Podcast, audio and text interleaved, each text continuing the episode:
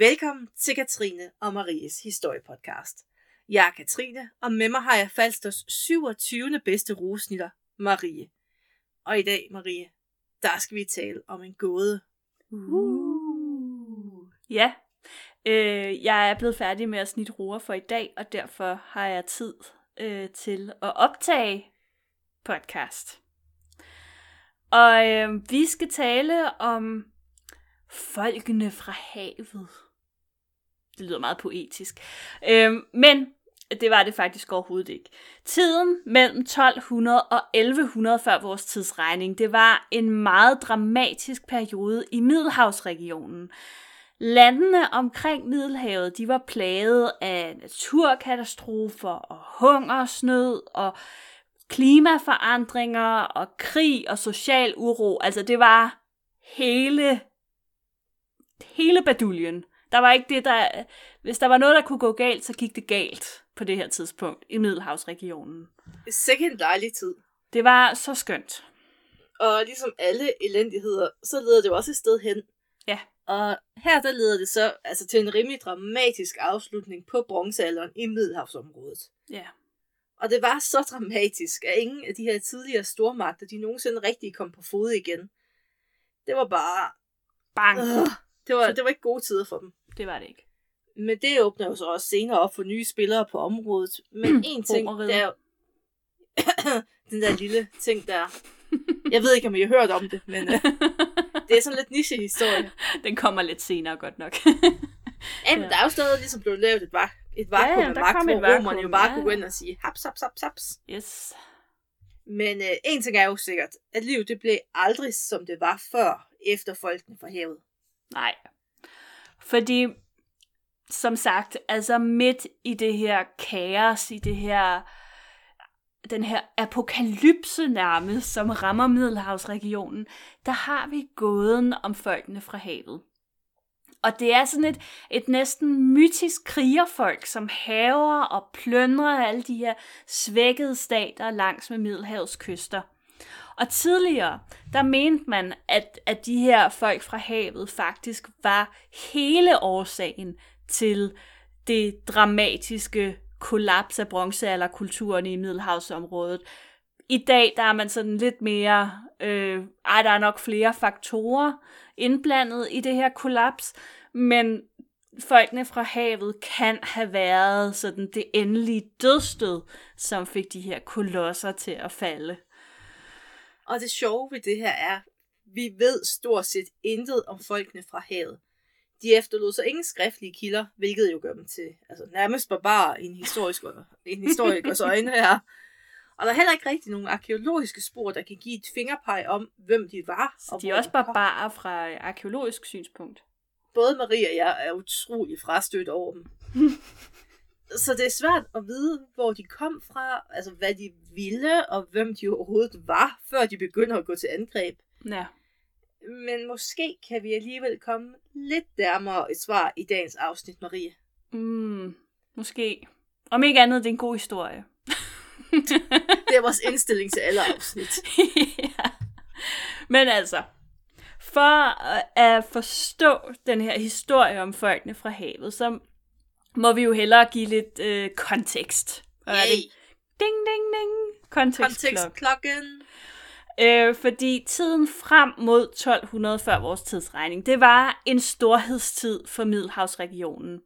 Vi befinder os jo sådan i slutningen af bronzealderen, og det er de store civilisationers tid.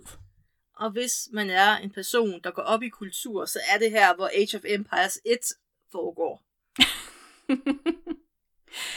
I Grækenland, der blomstrede den mykenske kultur med sine bystater og kæmpe paladser. De fleste har måske, ah, okay, det var måske lidt afgat sagt, de fleste har nok hørt om, men mange har nok øh, måske hørt om Mykene. Øh, Troja hører med i den her paladskultur. Øhm, og øh, i nutidens Tyrkiet og ned gennem Mellemøsten, der mødte man andre avancerede civilisationer som hititterne, Assyrerne og Babylonerne. Og så var der jo selvfølgelig øh, the one and only gamle Ægypten, øh, som nåede sit kulturelle højdepunkt op mod den her periode.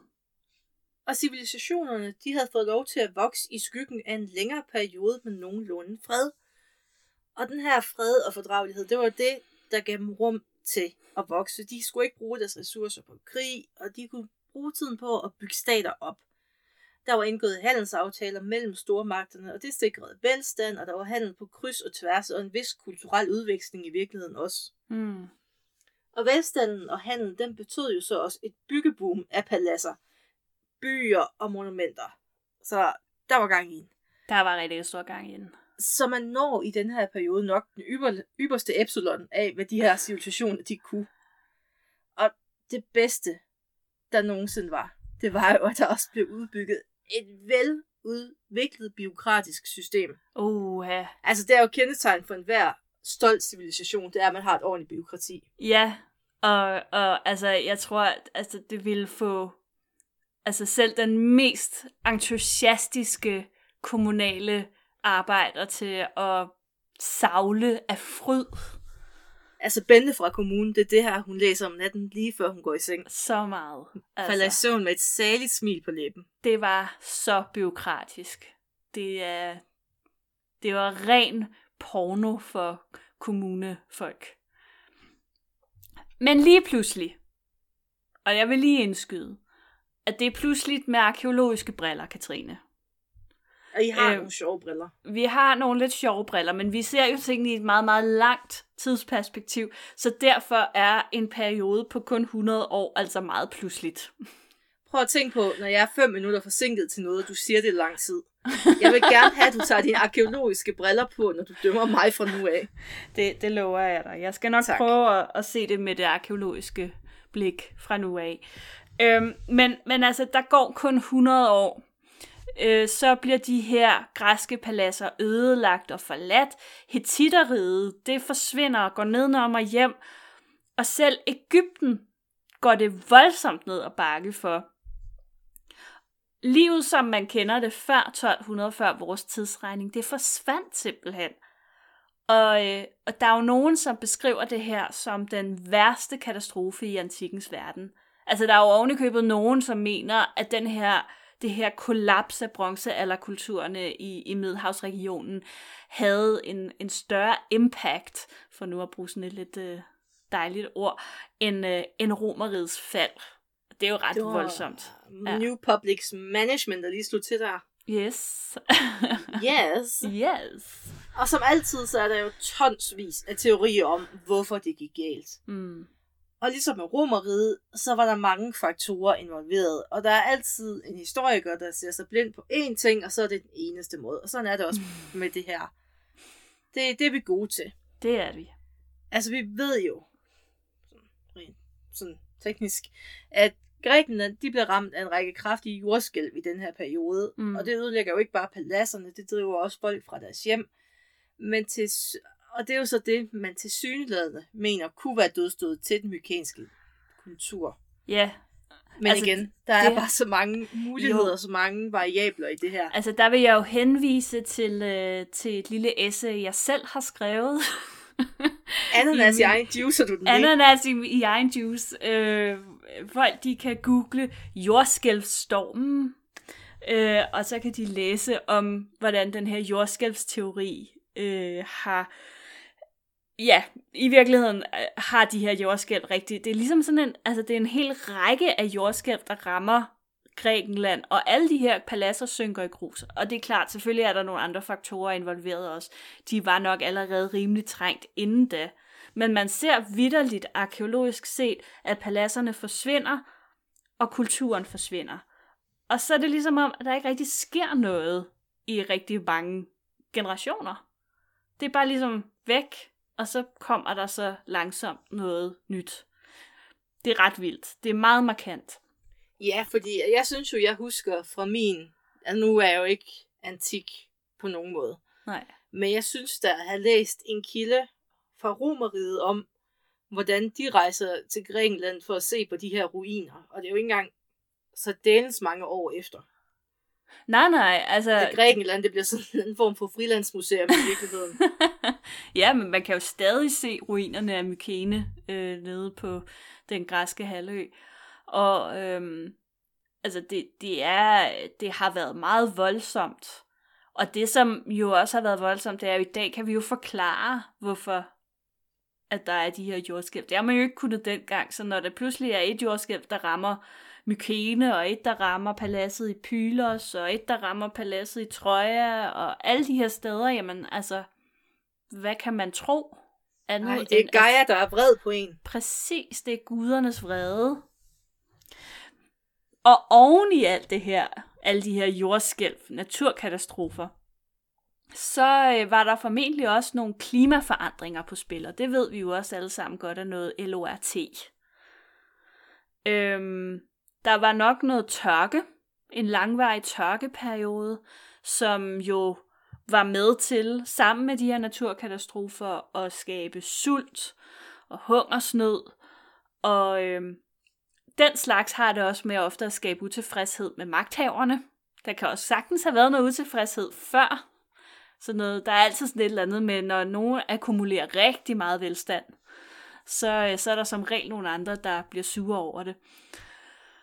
Men alle ved jo, at øh, revolutioner, de begynder oftest på sultne maver.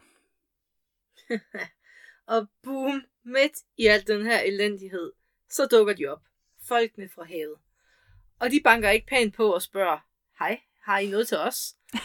De angriber store byer langs Middelhavet, og det er en efter en. Det er sådan, tænk lidt på nogle eksotiske vikinger.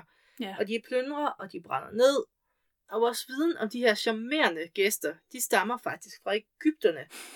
Og det kan, man, altså det kan jo ikke farve berettelsen over. Altså, ikke. Hovedet af dem, der bliver angrebet, fortæller om angriberne. Og, det ved vi jo også med de her munke, der blev angrebet af vikingerne. De havde jo en meget færre måde at beskrive Totalt fair. Øhm, og, og man kan sige, særligt sådan de egyptiske konger, eller farao, farao, farao. verdens værste ord. Farao. Vi kalder dem bare konger. Hvis man kommer fra Horsens, så er det overhovedet ikke svært at sige farao. øhm, men, men hvad hedder det, altså de har jo virkelig en tendens til at mm, sætte sig selv en lille smule sådan i centrum og sådan altså, noget. Altså der, der var jo også lige den der med, at der er jo flere af de her faraoer, der ligesom overvinder de her folket fra havet. Og ja. så er det også lige fint at sige, at så var det jo de stærkeste fjender, der nogensinde havde gået på jorden. Jamen, sådan er det jo. Altså, jeg kan ikke helt huske, om vi kommer tilbage til det, men der er jo det her øh, slaget ved Kadesh, som er sådan et ret berømt slag, øhm, og, og hvor at øh, Ægypterne, de slås mod hititterne. Øhm, og i, og Ægypterne vinder, men i den her sejrs øh, inskription, der er på, øh, på, på, på et eller andet tempel et sted, øhm, der er det ligesom beskrevet som, at det er Farao himself, der ligesom sørgede for det der, den sejr der. Altså, Jamen, det er de største fiskerhistorier, de laver Han smadrede dem alle sammen, uden hjælp fra sin her. Med den ene hånd bundet på ryggen. Og, og hænkende på det ene ben, mens han råbte ja, ja, og... ja. Nå, men øhm, det vender vi tilbage til de der Ægypter lige om lidt. Fordi vi skal lige have en ting straight her. Og det er, at betegnelsen folkene fra havet, eller som det også godt kan komme på dansk i hvert fald, havfolkene, det er sådan lidt mere sexet på engelsk, der hedder det sådan the sea peoples. The sea peoples. Nå, men det stammer ikke fra oldtiden, det her begreb. Det er et moderne navn, relativt moderne navn, som er opfandt fundet af den franske egyptolog Gaston Maspero omkring 1881. Og det gjorde, øh, det, han opfattede det her ord med udgangspunkt i kilderne, øh, altså de egyptiske kilder, hvor han øh, læste hieroglyferne og begyndte at tolke de her begivenheder. Og flere steder i de egyptiske kilder, der handler om de her invasioner, der er de beskrevet som folk, der kom fra havet mod nord. Og jeg har set på et kort engang, Marie. Ja. Og det er ikke fordi, der er så meget hav syd for Ægypten. Der er lidt langt ned til det i hvert fald, ikke? Men det, det er jo bare sådan lige en, en strøtanke. Der er ikke så meget, nej, du har fuldstændig ret. Altså, og, det, og det er måske øhm, der, hvor at der er nogle historikere, beklager, det er nok snarere historikere, der beskæftiget sig med det her end arkeologer. Øhm, de går lidt galt i byen, fordi de, de tænker straks, åh, nord, det må jo være Nordeuropa-agtigt, og det er jo sådan set ikke nødvendigvis længere Nej, der, der, er, end- der er noget, der er sydligere end Nordeuropa. Ja, det er Der der. er noget sydligere nord end Nordeuropa. Lige præcis. Men det, Det er en meget god sætning. Det, der er, det er meget klart. Totalt klart Ja. sagt. Skåret ud i pap for alle. Der er ingen, der kan være i tvivl. Overhovedet ikke. Og de her egyptiske kilder, de fortæller om, hvordan flere store slag, og hvordan hele den her Middelhavsregion var under angreb. Så det var ikke kun Ægypterne, det gik ud over. Ej, På en stele fra byen Tanis, der står blandt andet, at de kom fra havet i krigsskibe, og intet land kunne stå imod dem. Og det understøttes af en lertavle fra den syriske havneby Ugarit, hvor kongen omkring 1200 før vores tidsregning skriver til kongen af Kypern. Og nu vil Marie med sin allerbedste syriske, ikke spor racistiske, dialekt læse op. Jeg vil sige, at Katrine har tilføjet i manus i parentes dramatisk oplæsning. Det skal være, som vi selv er der. Tag, Ja. tag mig til Syrien. Ja. Min fader! Nu er fjendens skibe kommet. De har sat ild til mine byer og udsat mit land for stor skade. Ved min far ikke, at alle mine soldater og stridsvogne er i katte, og alle mine skibe sendt til Luka? De er ikke kommet tilbage endnu, så landet er prisgivet. Vil min fader være opmærksom på denne sag? Nu har fjendens syv skibe gjort os stor skade. Hvis flere fjendeskibe skulle dukke op, send mig på en eller anden måde en rapport, så jeg vil vide det. Vil de være opmærksom på det, far? Ja, jeg tror altså ikke, det er hans far. Jeg tror bare, far Ja, det er er sådan en tiltale mod. Ja, sådan, i, hvor man står i forhold til hinanden. Ja. Og arkeologiske undersøgelser, dem kan man bruge så meget, men her bruger vi dem til at understøtte, hvad der lige er blevet sagt. Og her kan Tak, vi se, Katrine. Selv tak. Aukaj blev angrebet og brændt ned til grunden omkring 1200 før vores tidsregning. Og det samme billede kan ses sådan, i flere store byer langs Middelhavets kyst. Mm. Og andre kilder, de skriver så dog, at folket fra hav, de haver i flere byer i Mellemøsten også. Og der er flere byer i Mellemøsten, der ikke er særlig havfaste. Lad mig sige det på den måde. Det er ikke kystbyer. Nej. Øhm, Men øh, der er også noget med, altså de har både land- og vandtropper, så, øh, så det, øh, det er mega meget ligesom i Game of Thrones. The Iron Isles. ja. Nu har jeg ikke sådan super meget styr på, øh, på Game of Thrones og så videre, men Øh, P.O. Asbæk, han kommer lige lige præcis, øh, fordi at, at det var nemlig det, som min kæreste han nævnte, at, øh, at det var lidt som Pilo Asbæk. Og jeg vil Det er lige... 100% en P.O. Asbæk. Ja. Øhm, og, øh, og hvad hedder det? Og, og jeg tænker, jamen helt sikkert er ham der fyren, der har skrevet de der bøger, blevet inspireret af det en her scenarie. solbrændt pilo, der Jamen, haver. Der er ingen tvivl. Det, det, der, det er herfra inspirationen kommer. De egyptiske kilder, de er straks mere informative, når det kommer til øh, at beskrive de her folk. Fordi alt andet lige, så er der ikke rigtig nogen af de andre, hverken de øh, hittitiske, assyriske eller babylonske kilder, som rigtig siger særlig meget om, hvem de her folk er. Angrebene, de er dokumenteret af tre egyptiske konger, eller faraoer. og det Faraoer. er faraoer. Øh, det er øh, Ramses den anden, som regerede fra 1279 til 1213 før vores tidsregning. Så var det hans søn og efterfølger Merenpetar. Med Hvem fik de trælse navn den her uge? Merenpetar, som regerede for, fra 1213 og frem til 1203 før vores tidsregning. Og sidst, men ikke mindst, Ramses den 3., som regerede fra 1186 og frem til 1155 før vores tidsregning. Og lad os starte med Ramses den anden. Ja. Og han beskriver folkene fra havet som hetitternes lejesoldater, fordi at Ægypten, de var jo... De havde ikke så godt forhold til hetitterne i virkeligheden. Nej, og det var jo De havde ham, et som havde, forhold, men ikke... men det var, jo, det var jo Ramses, som havde sloges mod hititterne i slaget ved Kadesh. Ja, Og, og det var jo derfor, at det var, at det var der, han ligesom havde mødt dem første gang, ikke? nemlig. Og Ramses, han var jo en meget let ydmyg mand. Og han beskriver også, hvordan han overvandt et søslag, de her supersoldater, og Ja, Ja. ja. men det var en Den- succesoplevelse. Den får ikke for lidt. Øhm, og Ramses, Ramses den anden søn og efterfølger Merenptah, øh, han havde også problemer med de her havfolk. Øhm, fordi de allierede sig nemlig på et tidspunkt med Ægyptens ærkefjende. De har mange ærkefjender, har de ikke det? Men i hvert fald en af dem, Libyerne. Og øh, så invaderede de simpelthen Ægypten, og det gjorde de omkring 1209 før vores tidsregning. Og Merenpetar han henviser til øh, Libyernes allierede som folk, der kom fra havene mod nord. Og så nævner han nogle territorier. Jeg vil så lige sige, at der er lidt forskel på, der er nogle steder, hvor at man omtaler dem som stammer, og nogle steder, man omtaler dem som territorier. Og det er jo ikke altid, at det er sådan en og samme ting, og det er måske også noget af det, der gør, at man ikke helt kan identificere, hvor det her er. Men nu siger jeg det alligevel, fordi det var Equesh, så har det været Teresh, så var det Luca, så var det Shaden, og så var det Shekelish. Shekelish. Shekelish.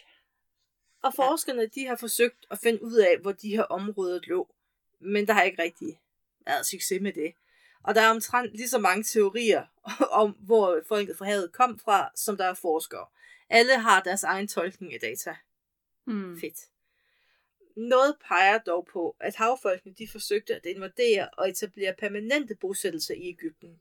Så det kunne godt have været en stamme med ambitioner. Det kunne det sagtens være. Free real estate, du ved. det var altså ikke bare en her, der var også altså, husholdninger og redskaber til at bygge med. Altså mm. ligesom i Civilization, når man skal ud og bygge en ny en settlement et eller De andet havde sted. settlers med, Det simpelthen. er lige præcis det, de havde, kan man sige. Det med Civilization. Det med Civilization. Det er vores primære referenceramme til alt oldtidshistorie.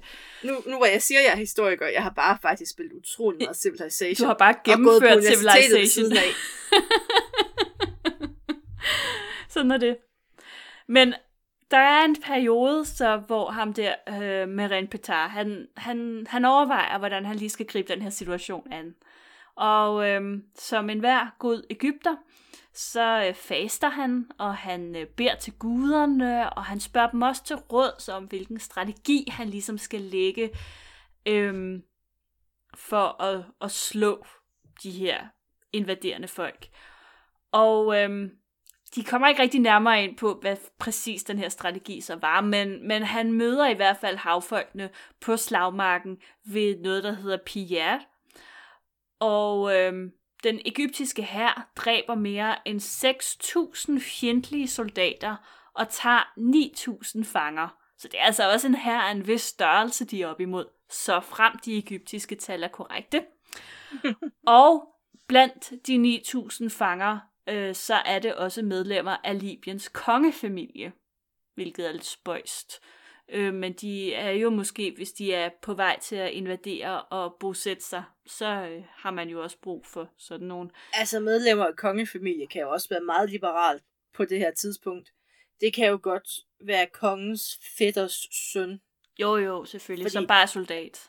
Ja, ja, der er jo meget. Ja. der kan kvalificere som medlem af kongefamilien på det her tidspunkt. Ja, klart. Og øhm, så er der et lille krydderi på den her historie også, ikke? Fordi øhm, han nævner ham her, Meren Petar, at Ægypterne, de skar alle peniserne af de døde, som ikke var omskåret, og alle de døde, som var omskåret, de fik skåret deres hænder af. Og jeg vil så Ja. lige sige, at det virker måske som en lidt irrelevant bemærkning, og det er det også i den her sammenhæng. Jeg synes bare, det var meget sjovt. Men derudover, øh, så er det faktisk noget, hvor der er nogle forskere, som øh, er gået ind i den her, for ligesom at finde ud af, okay, hvad for nogle folk har Gjorde man det omskåret deres peniser, og hvad for nogle folk har ikke omskåret deres peniser. Og det har blandt andet lidt til noget med, at der er i hvert fald nogle af dem, som ikke kunne være grækere, eller ah, men det er meget, meget syret, altså, Meget sindrigt, ja. ja. Og Ramses den 3. han slap heller ikke for at skulle kæmpe med folket fra havet. Til gengæld så slog han dem til sydenlederne så eftertrykkeligt, at det sætter en stopper for deres haven, og de forsvinder ud af historien, så go Ja. Ramses. Go Ramses. Og slaget det stod ved Soris mellem af 1100, et- 1100 1175 og 1178 før vores tidsregning. Der er sådan lidt forskellige årstal, der flyver rundt derude. Ja. Igen, det er lidt forskelligt, hvordan man har noteret tid. Altså, jeg skal lige huske på jo, at det her, det drejer sig jo om egyptiske kilder, altså hieroglyffer. Selvom vi har en idé om, hvordan de fungerer, så er det ikke altid, at de, det er 100%, og så er det også, nu må du rette mig for det her, lidt Mm. mere over i din, men hieroglyffer har jo også ændret sig. Det har de helt sikkert, det ved jeg ikke så meget om, men det har de uden tvivl gjort. Og, og så vil jeg jo også sige, at den tidsregning er jo, altså den, nu har den, den tidsregning er jo oversat til en tidsregning, der giver mening for os. Ja, for de orienterer sig jo ikke mod før vores tidsregning. Nej, det er ikke, fordi det gør man de ikke. år. De, de orienterede sig i forhold til den enkelte faraos, hov, det gik godt, øh, faraos øh, regeringstid.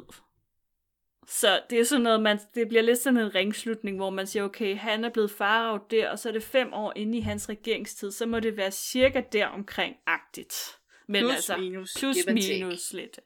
Ja, sådan er det. Øhm, det her store slag, det endelige slag, det fandt sted ved Nilens udmunding, og Ramses den 3. han forklarer, at folkene fra havet bestod af et forbund af folk fra øh, noget, der hed Peleset, så var der Tjekker, så var der, og nu er der nogle navne, der kommer igen, fordi det er Shekelesh, så var der nogen, der hed Dennen, og så var der Weshesh. Det er fantastiske. Øh. navne, det her. Prøv, prøv lige at gentage det sidste. Weshesh? Prøv lige en gang til. Nej. Okay. Det må være nok.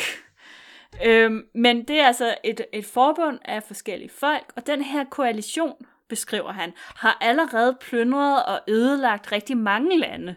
Og blandt andet Hittitteriget, nævner han altså, er, er, har ligesom bukket under for, for den her koalition.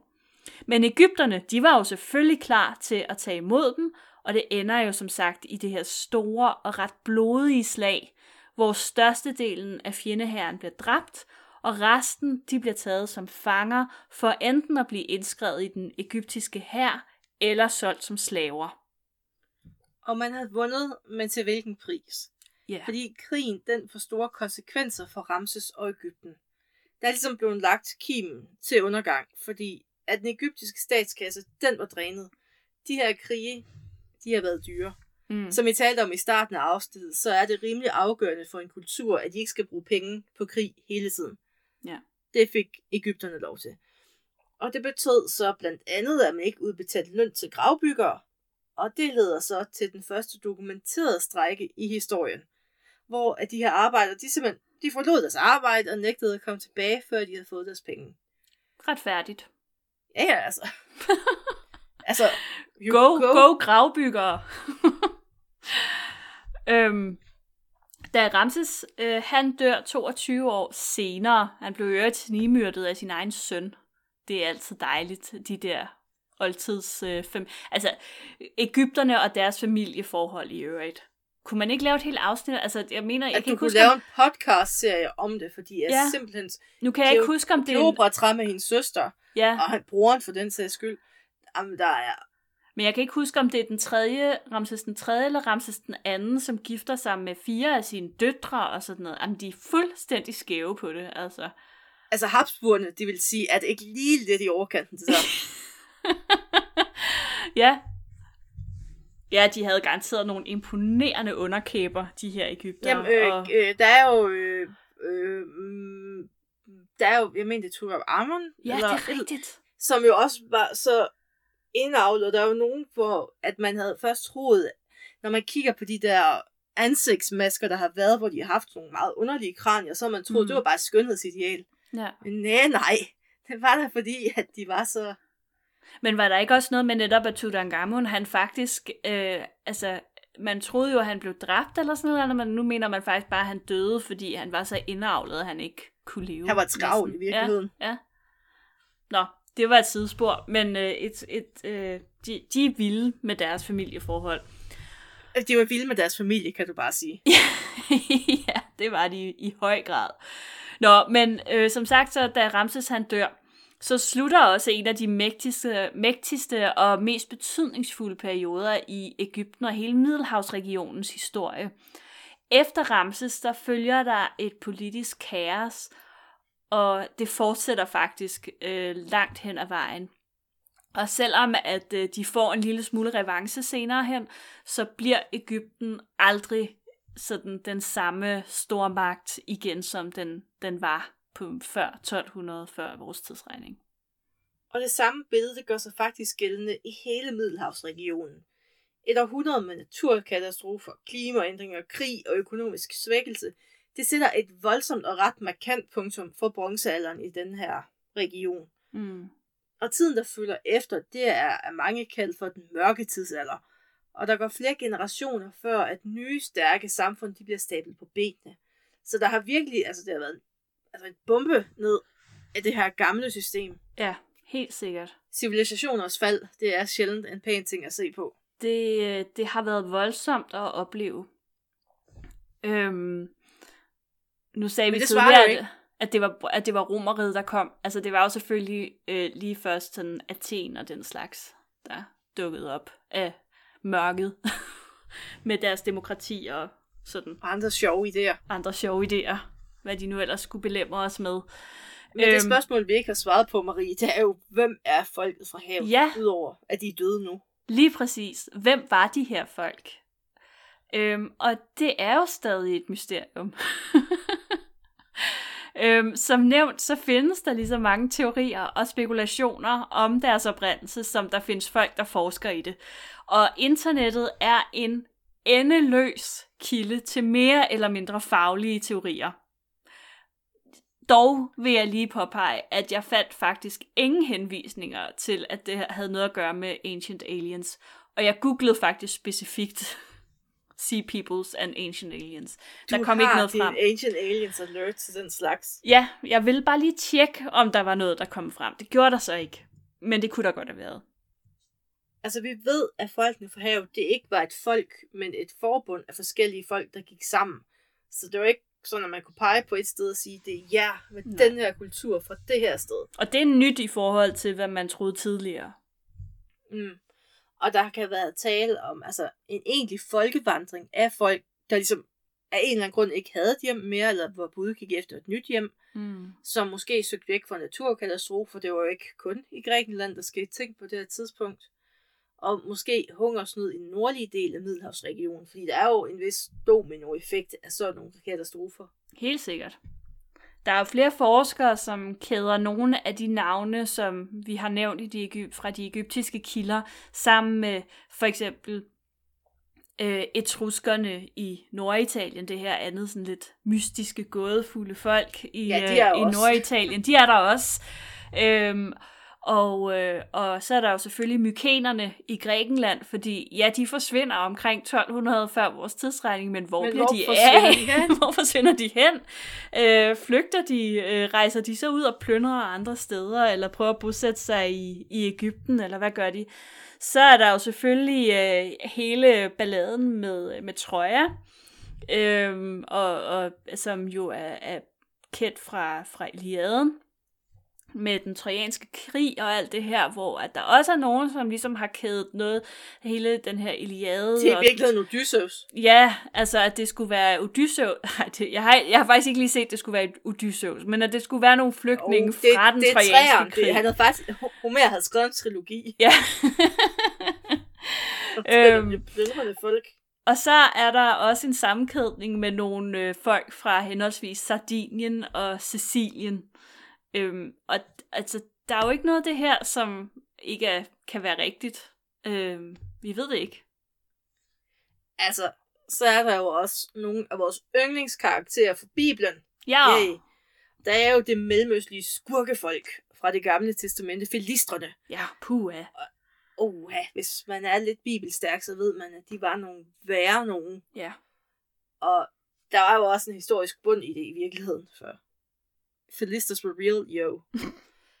og de havde Middelhavsregionen, inden de slog sig ned i det område, som i dag er Gazastriben, hvor at de så begynder at genere Israel. Altså, da, da jøderne de kommer tilbage til, jamen det er noget værre noget. Ja, de begynder at genere øh, De begynder at dernede. hinanden. Ja, ja. Det, gør, det, er noget, det er noget rod dernede. Altså hele den der historie i det gamle testamente om David og Goliat, det er jo faktisk, mener man, øh, sådan en afbildning af, hvor at, altså Goliat repræsenterer filistrene, og David, ja, jøderne. Ja, han var jo også filistre, og Ja. David han var en... Præcis. Så det, altså det Marie, jeg har altid tænkt på, hvis vi nogensinde er nødt til at leve af det her, så ringer vi over til Utah Bible Study Center og siger, at vi vil lave historiske bibelpodcast Ja. på skandinavisk. Ja. Vi siger bare, at skandinavisk er sprog. Så skal Ja. du se de penge, de smed efter en. Oh, hvorfor har vi ikke De der- det allerede? Jamen, kan du ikke se nogle af de der underlige bibeldokumentarer? Nu er påsken Jo. lige om hjørnet Ja. på Salige DRK, Mm. hvor de jo alle sammen var professor in Bible study from Ja. Utah Community Det er College. rigtigt. Det er rigtigt. Og så den der produktionsværdi, der er i de der lorte dokumentarer, Det er helt vildt, altså. de penge skal vi have, og vi skal, ja, Der er Nå. så mange penge i det der Bible Studies. Det er helt Katrine og. Maries Bibelpodcast. Det gør vi. det kan kun blive godt. Nå, men øh, der Nå, er en... Øh, ja, der er en, øh, en sidste teori, og den går på, at, øh, at folkene fra havet slet ikke kom fra Middelhavsområdet, og det er igen den her med, at, at der bliver henvist til havet fra nord, eller havet mod nord, ikke?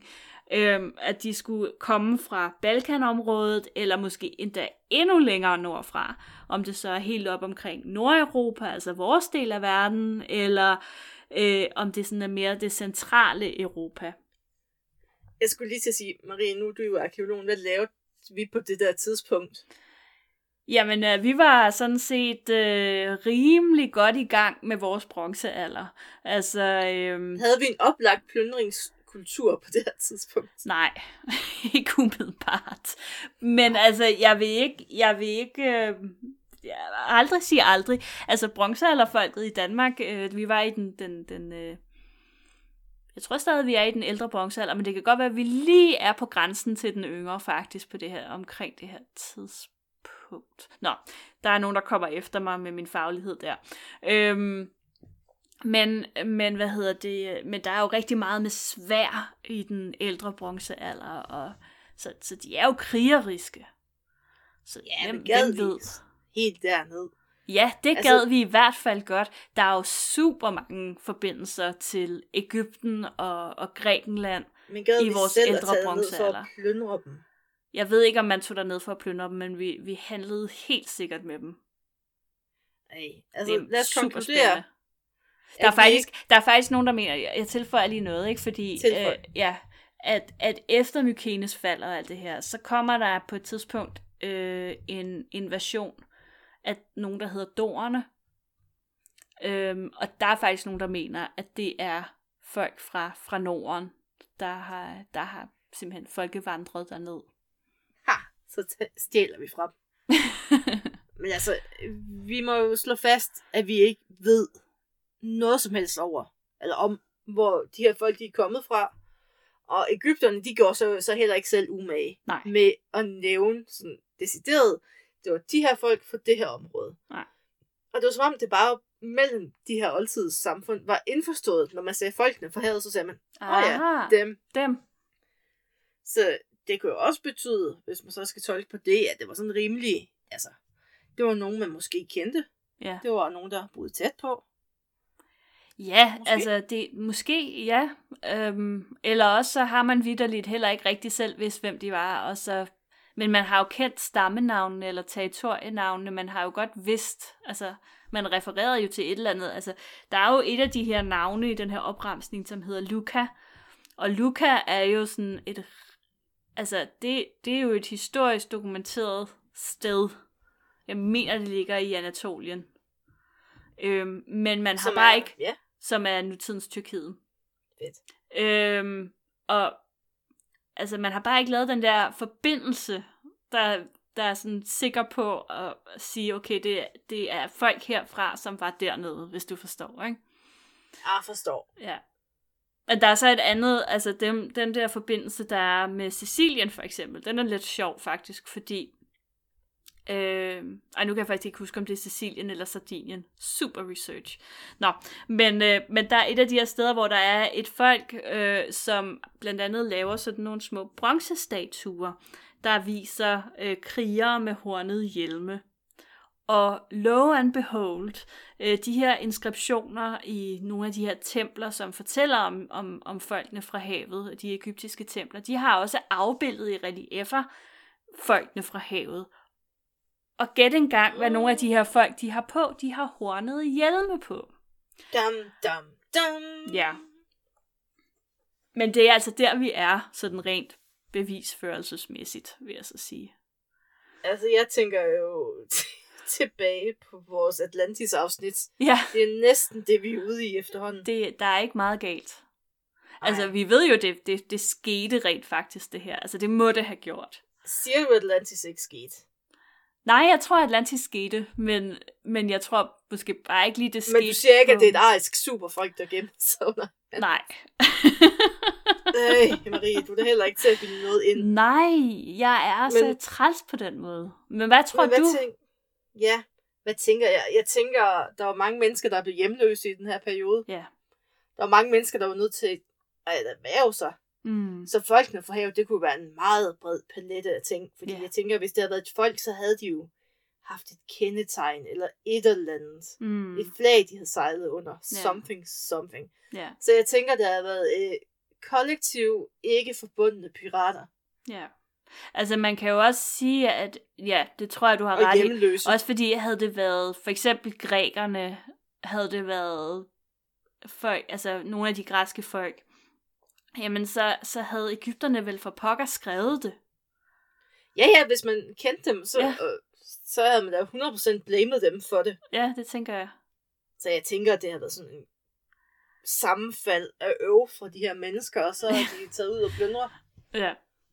Det, øh, det tror jeg også er rigtigt. Og altså, hvorom alting er, så har de i hvert fald øh, benyttet sig af sådan en ret kaotisk situation.